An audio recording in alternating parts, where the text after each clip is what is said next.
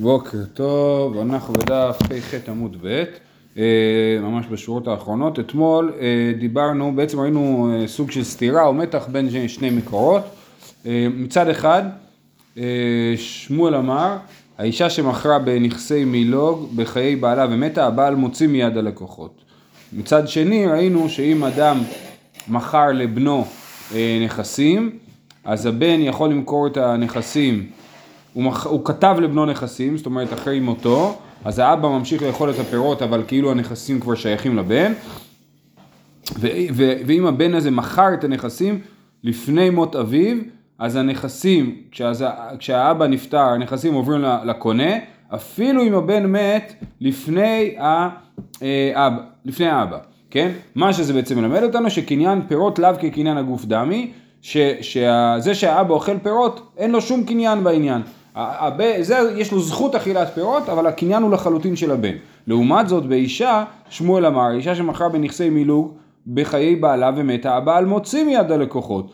למרות שכאן גם לבעל יש קניין פירות בנכסי מילוג, והאישה אה, יש לה רק את הנכס, את הגוף הנכס, אנחנו אומרים שהבעל מוציא מיד הלקוחות, משהו שקניין הפירות כן כקניין הגוף דמי. אז יש פה כאילו סתירה בין שתי המקורות האלה. אמ, ו... אה, בסוף הסוגיה אמרנו שזה משום תקנת אושה, כן? אה, אה, בשורה רביעית מלמטה, אלא מה אינה דומה למשנתנו משום תקנת אושה. זאת אומרת, המקרה של האישה שמכרה בנכסי מילוג בחיי בעלה ומתה, הבעל מוציא מיד הלקוחות, זה לא ההלכה הפשוטה, אלא זו תקנת אושה. ההלכה הפשוטה הייתה אחרת, שאם האישה מכרה בנכסי מילוג בחיי בעלה, אז הקונה מקבל את הנכסי מילוג ברגע שהבעל נפטר. כי לבעל יש רק זכות לאכול פירות כל עוד הוא בחיים. אבל ברגע שהוא נפטר, אז המכירה שהאישה עשתה מקודם, יש לה תוקף.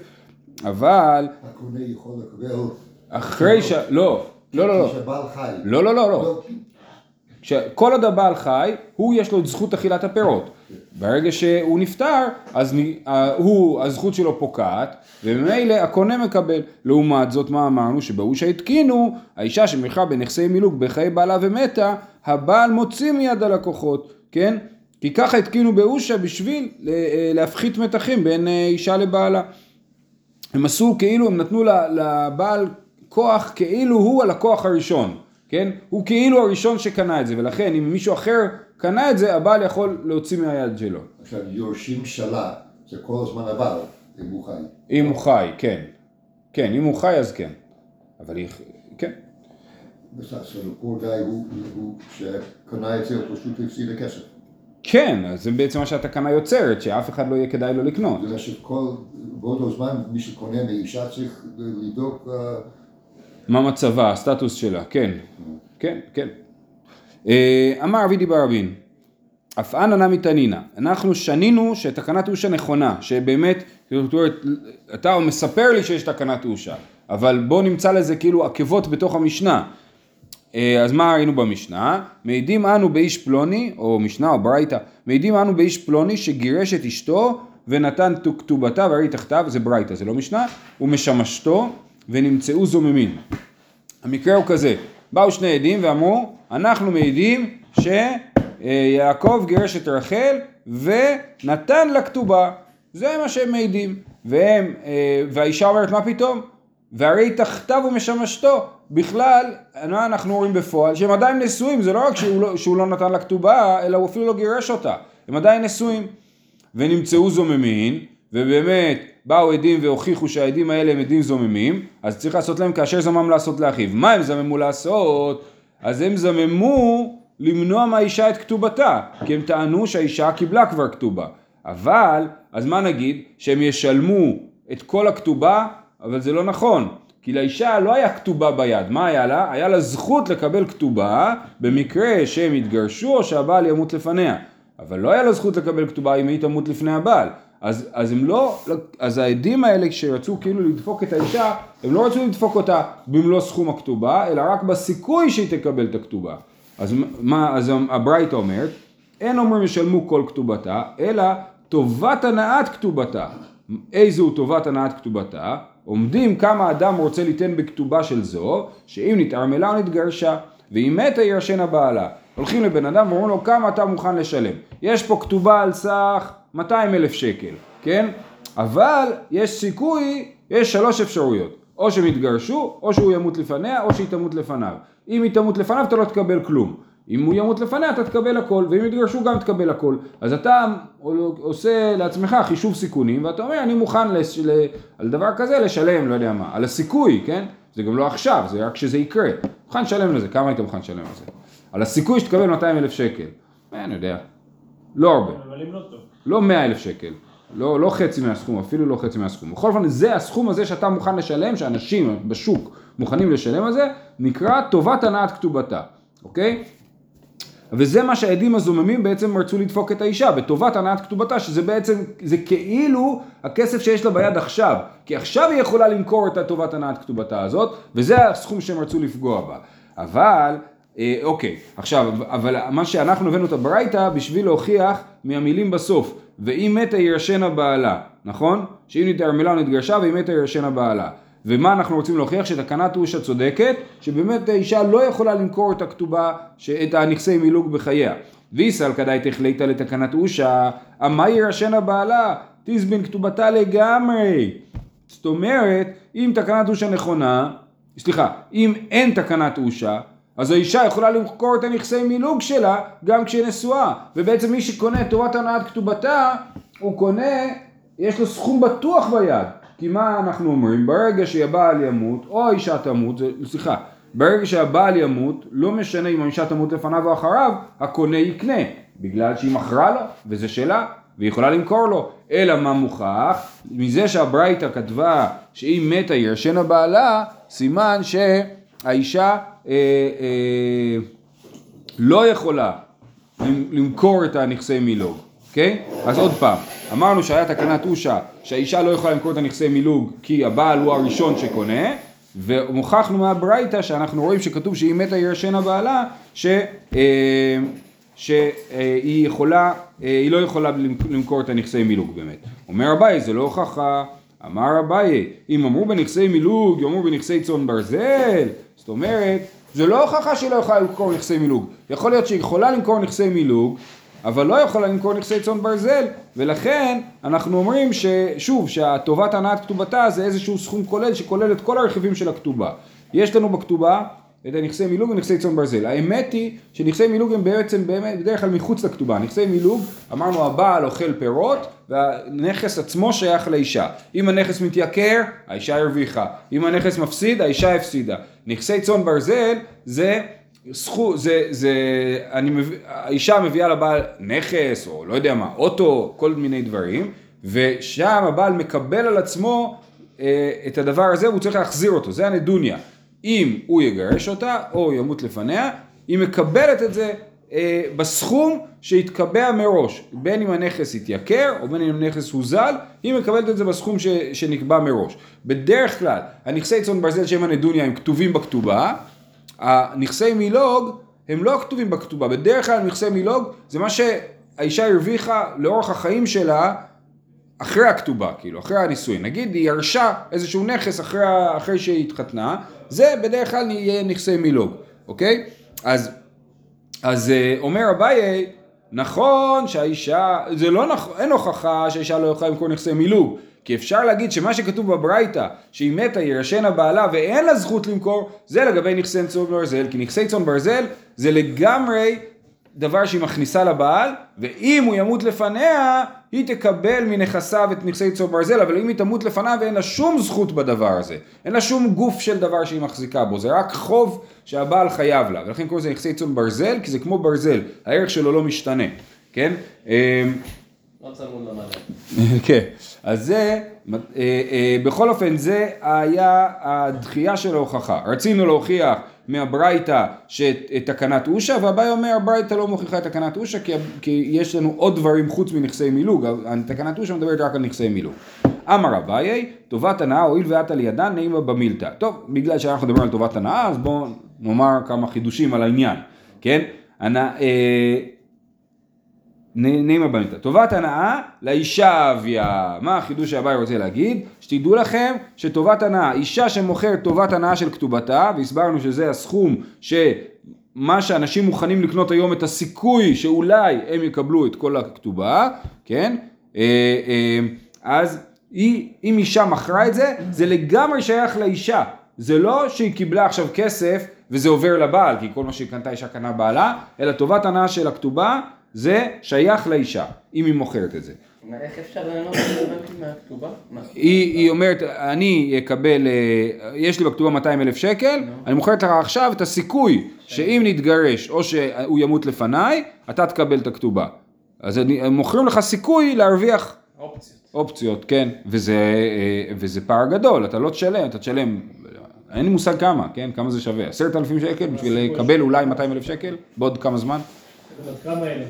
כן, נכון, זה נתונים, זה ברור, זה הקטע שטובת הנאה זה סכום משתנה, כן. גם יש פה עניין שכאילו, היא יכולה להחליט שהיא רוצה להתגרש. נכון, היא יכולה לעשות קומבינה, להגיד לעצמה שהיא רוצה להתגרש, למכור למישהו את הטובת הנאה של הכתובה, ואז להתגרש כאילו. לא, למרות שזה לא זה. אבל אז היא נפגעת מזה. אבל אם צריכה עכשיו כסף בשביל העורך דין של הגירושין. היה פה בתקוע איזה זוג שהאישה הם רצו להתגרש, היא מכרה חצי מהמגרש שלה למישהו אחר, אה, איזה בלאגן זה עשה. חבל הזמן. אבל זה זה האיץ את הגירושין? עשה בלאגן. כן. הלאה. אה, אמר אביי, טובת הנאה, הואיל ואת על ידן המה במילתא, טובת הנאה אישה לאישה אביה. דאיסל כדאיתך לבעל אביה. לאמור לעדים מה יפסדינך. הרי מה אמרנו? שהעדים הזוממים הם לא משלמים את הכתובה, שרצו לדפוק את האישה ולהוציא, להגיד שהיא כאילו קיבלה כבר כתובה, כן? אז, אה, אז אה, הם צריכים לשלם לה טובת הנאה של כתובה. אם הטובת הנאה הולכת לבעל ולא לאישה, אז היא אומרת להם, מה אתם רציתם לפגוע בי, תשלמו לי כאשר זמם. אז הם יגידו לך, מה פתאום? אנחנו לא רצינו לפגוע בך. הרי ממילא טובת הנאה הולכת לבעל. אלא מזה שהיא יכולה לתבוע אותם על זה שהם רצו לפגוע בה, מוכח שהטובת הנאה נשארת של האישה. כן? שאיסר כדאיתך לבעל, אביה, אם נאמר שטובת הנאה הולכת לבעל, שהעדים יאמרו לה, מה יפסדינך? לא הפסדנו לך כלום. אי הבת מזדבנת לה לטובת הנאה, בעל אבא שקיל נמינך. אם היית מוכרת את זה, הבעל היה לוקח. סימן שטובת הנאה היא שייכת לאישה. וגם את זה עכשיו דוחה רב שלמן, אמר רב שלמן, משום דאיכא רווח ביתה, רב שלמן אומר לאביי, זה לא נכון, האישה אומרת רציתם לדפוק אותי ותשלמו לי. אומרים לה, לא הפסדנו לך כלום, אומרת כן הפסדתם, אם הייתי מוכר טובת הנאה, שיש חדש. היה לנו שיש חדש, רווח ביתה, יפה. כן, הכסף היה נכנס לכיס המשותף שלנו, אמנם הוא באמת שייך לבעלי, אבל גם אני מרוויחה כשיש רווח כלכלי, ולכן כן רציתם לדפוק אותי ולכן אין כאן הוכחה. זה שיש ולא רכב. אמר רבא, הלכתה טובת הנאה לאישה ואין הבעל אוכל פירות. אז למרות שרב שלמן דחה את ההוכחה של אביי, רב אומר אכן אבל אביי צודק, זאת ההלכה ויותר מזה, כן? הוא מה שנקרא, אה, מ- מעלה? אה, אז אומר, אה, טובת הנאה לאישה ואין הבעל אוכל פירות. זה לא רק שטובת הנאה שייכת לאישה, גם הבעל אין לו זכות אכילת פירות מהטובת הנאה. בנכסי מילוג, נגיד נכסים שאישה יורשת, אז הבעל אוכל פירות, כן? פה אם האישה מכרה טובת הנאה, אין לבעל פירות. מה היא תמה? פרא תקינו לרבנן, פרא דפרא לא תקינו לרבנן. חכמים לא התקינו לבעל ליהנות מפירות של הפירות, אלא רק מהפירות עצמם. עכשיו זה לא מדויק. נגיד שיש לאישה אה, אה, כבשים, היא מכניסה כבשים, כן? הבעל ייהנה מהוולדות, ומהוולדות של הוולדות, יש לו פרעי פירות, כן? אבל זה פרעי פירות מסוג אחר, אולי טבעי יותר או משהו כזה, כן? ככה תוספות מציין, אלא במובן הזה, הטובת הנאה, אם הטובת הנאה היא הפירות של הכתובה, והפירות של הפירות היא, הוא, אה, אה, גם אין לו.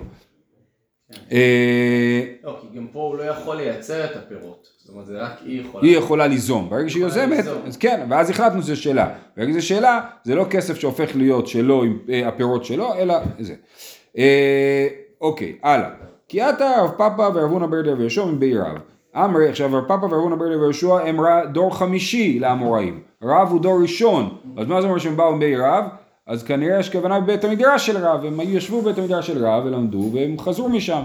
אה, אמרי, תנינא לתקנת אושה, כל הסוגיה שלמדנו עד עכשיו, מההתחלה של אתמול, הסיפור עם רב שמואל, שבר אבא וכולי, כל זה הגיע בשביל המשפט הזה, אני חושב. שאומר, אומר, למדנו מהמשנה שלנו את תקנת אושה. למה?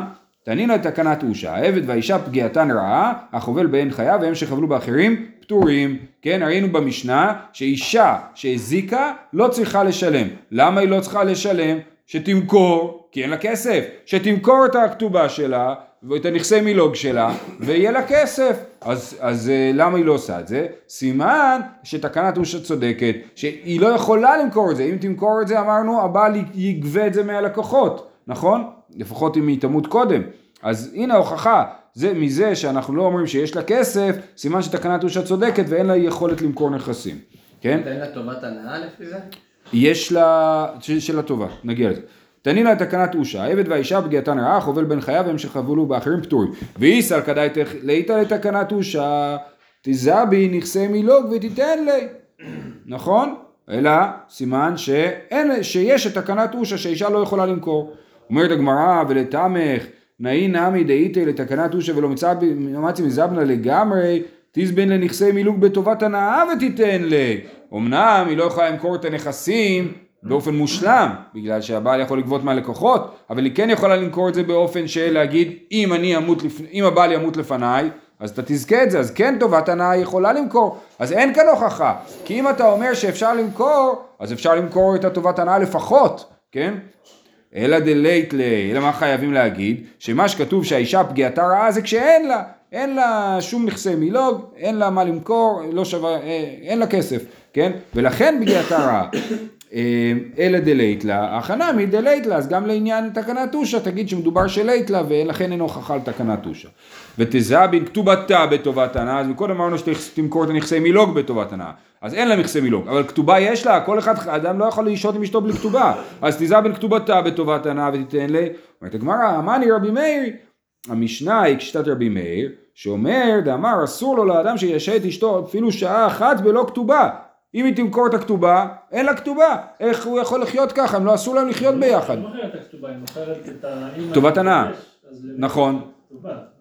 אוקיי. נכון. יפה מאוד. אבל כאילו באה ואמינא כרגע, הכוונה היא שיש בעיה שאישה חיה באופן שהיא יודעת שאם היא תתגרש לא יהיה לה כלום. כן? היא מכרה טובת הנאה, אז עכשיו לא יהיה לה כלום בעתיד. כן. אז אומרת הגמרא בתמה מאי כדי שלא תהיה כעליו בעוניו להוציאה אך לא מגרש לה, די מגרש לה, אתה נכדי זבני גבו לה לכתובתה מיני. זאת אומרת, לא שייך רבי מאיר פה. למה לא שייך רבי מאיר? למה רבי מאיר אומר שאסור לאדם להשעות את אשתו בלא כתובה? כדי שהוא לא יבוא לגרש אותה בקלות. נמאס לו, זרקת אותו מהבית. יגיד, אתה רוצה לזרוק אותו מהבית?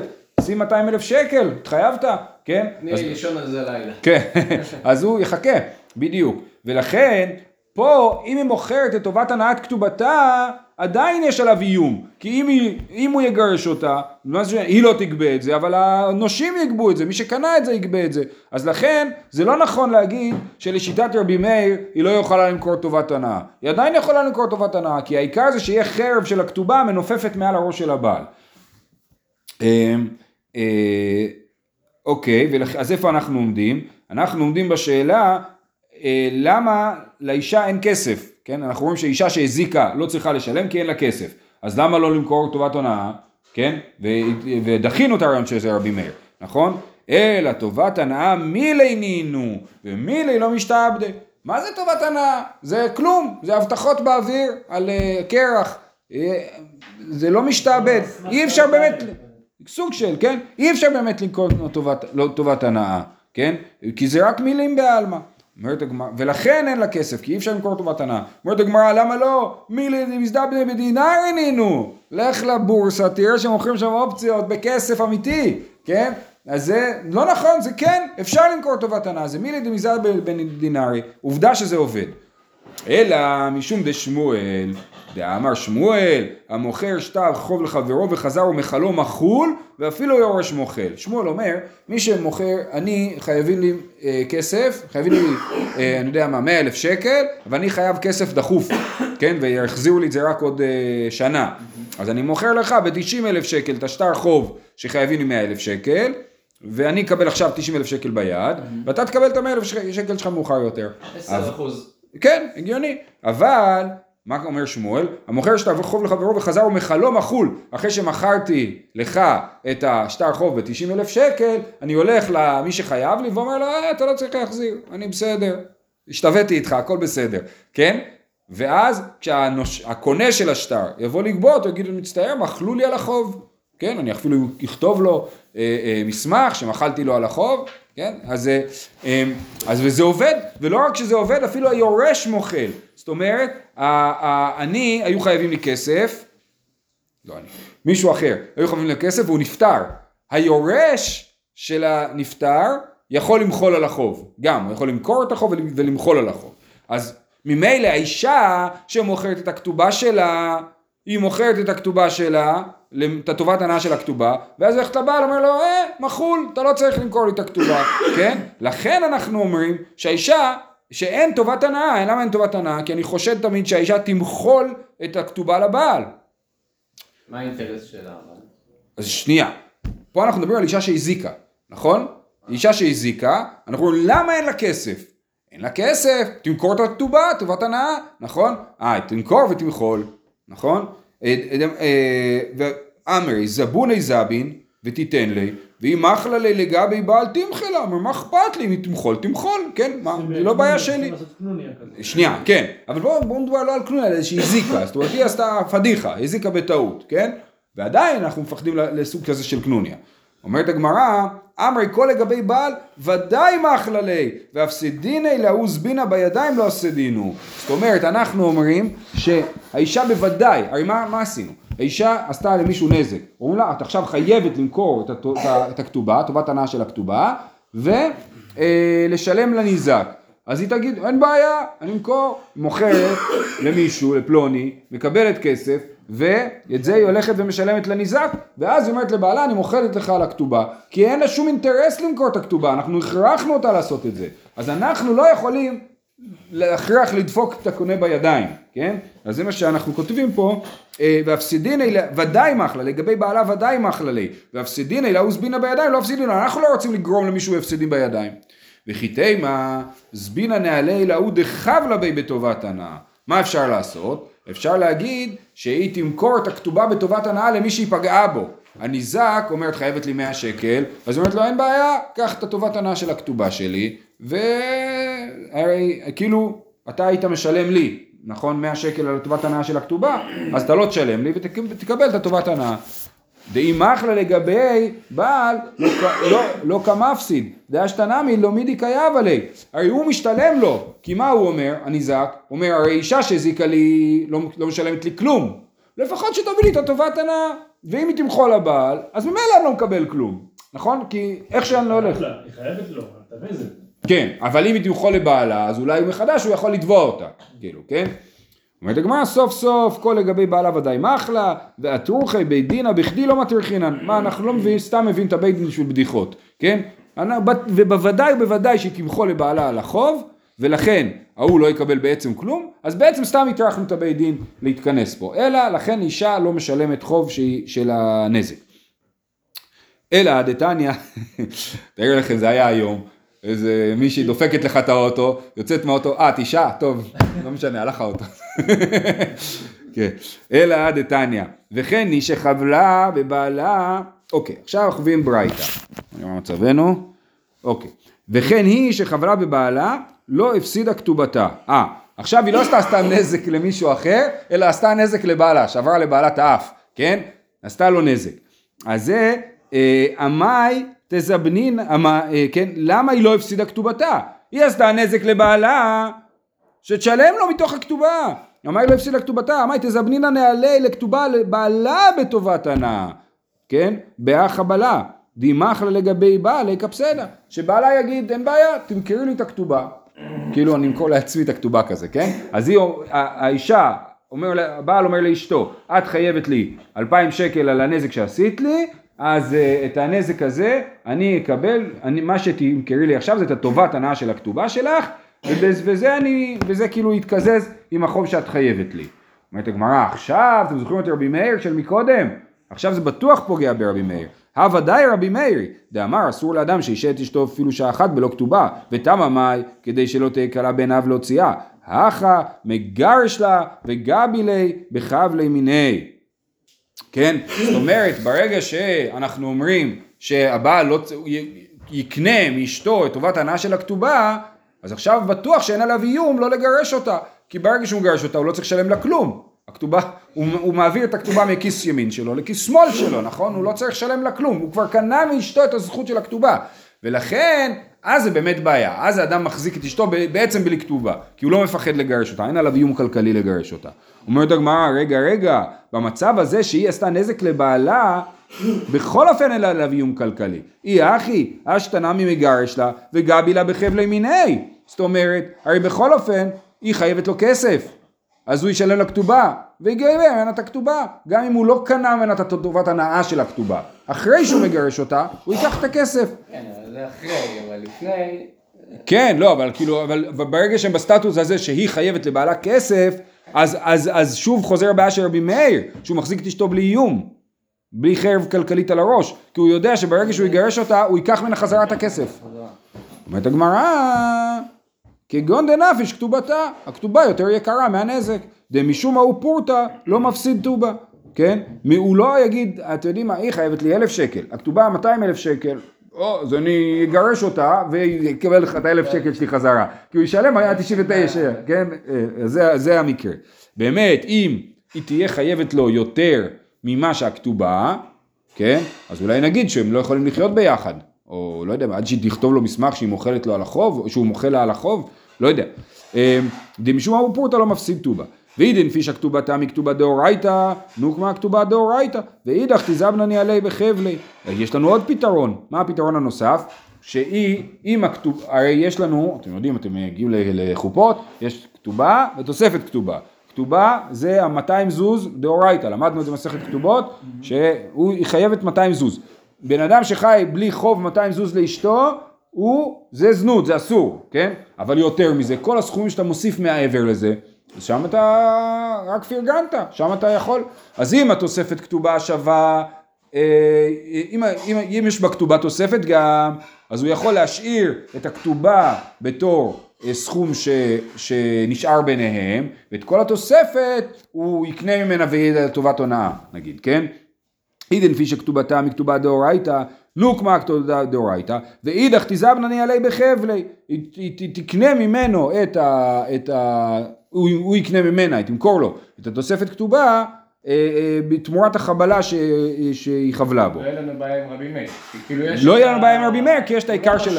בדיוק. ומעל זה הוא משחק. בדיוק. אומרת הגמרא, כגון דלא נפישא כתובתה מכתובה דאורייתא, דאבי חבלי ארבע זוזי, דמשום ארבע זוזי, אז אנחנו אומרים שלא נפישא כתובה מכתובה דאורייתא, אלא באמת יש לה רק כתובה דאורייתא, ואז יוצא שאם באמת נפישא כתובה מכתובה דאורייתא, אז באמת יש לנו פה סיפור נפרד, כן? דאבי חבלי ארבע זוזי, דמשום ארבע זוזי, לא מפסיד עשרים וחמישה, כן? הוא חבל בה, אה, אה, היא חבלה בו אה, נזק של ארבע זוזים, ו... אה, אה, לא שווה לו, לא שווה אה, לו להפסיד 25 זוזים תמורת 4 זוזים. 25, אני לא יודע, המספר הזה הוא בעייתי, אה, אבל יכול להיות שהכוונה היא ל-25 שכאילו שווים כפול 4. 25, לא כפול 4, כפול 8. 25 כסף צורי זה שווה 200 כפול 8, ו-200 זה 200 זוז של הכתובה. אז זה קשור למחלוקת האם ה-200 זוז של הכתובה זה 200 זוז של כסף מדינה או כסף צורי. הספרדים בימינו, ככה בפועל בכתובה, הספרדים כותבים, אחינו הספרדים כותבים כתובה אה, דחזי לייכי, 200 זוזי דחזי לייכי, ואחינו האשכנזים כותבים 200 זוזי דחזי לייכי מדאורייתא. מה ההבדל? הכתובה האשכנזית הבסיסית, היסודית, ה-200 זוז, שווה פי שמונה מהכתובה הספרדית. כי הספרדים חושבים שהחיוב של הכתובה הוא 200 זוז דה רבנן, והאשכנזים חושבים 200 זוז דאורייתא. אז ה-25 פה שכתובים, זה יותר מסתדר לשיטה הספרדית. שאנחנו אומרים שהוא לא מפסיד 25, מה 25? 25 זוזים דאורייתא ששווים בעצם 200 זוזים דה רבנן, כן? אה, אה, אז הוא לא, לא שווה לו להפסיד את זה.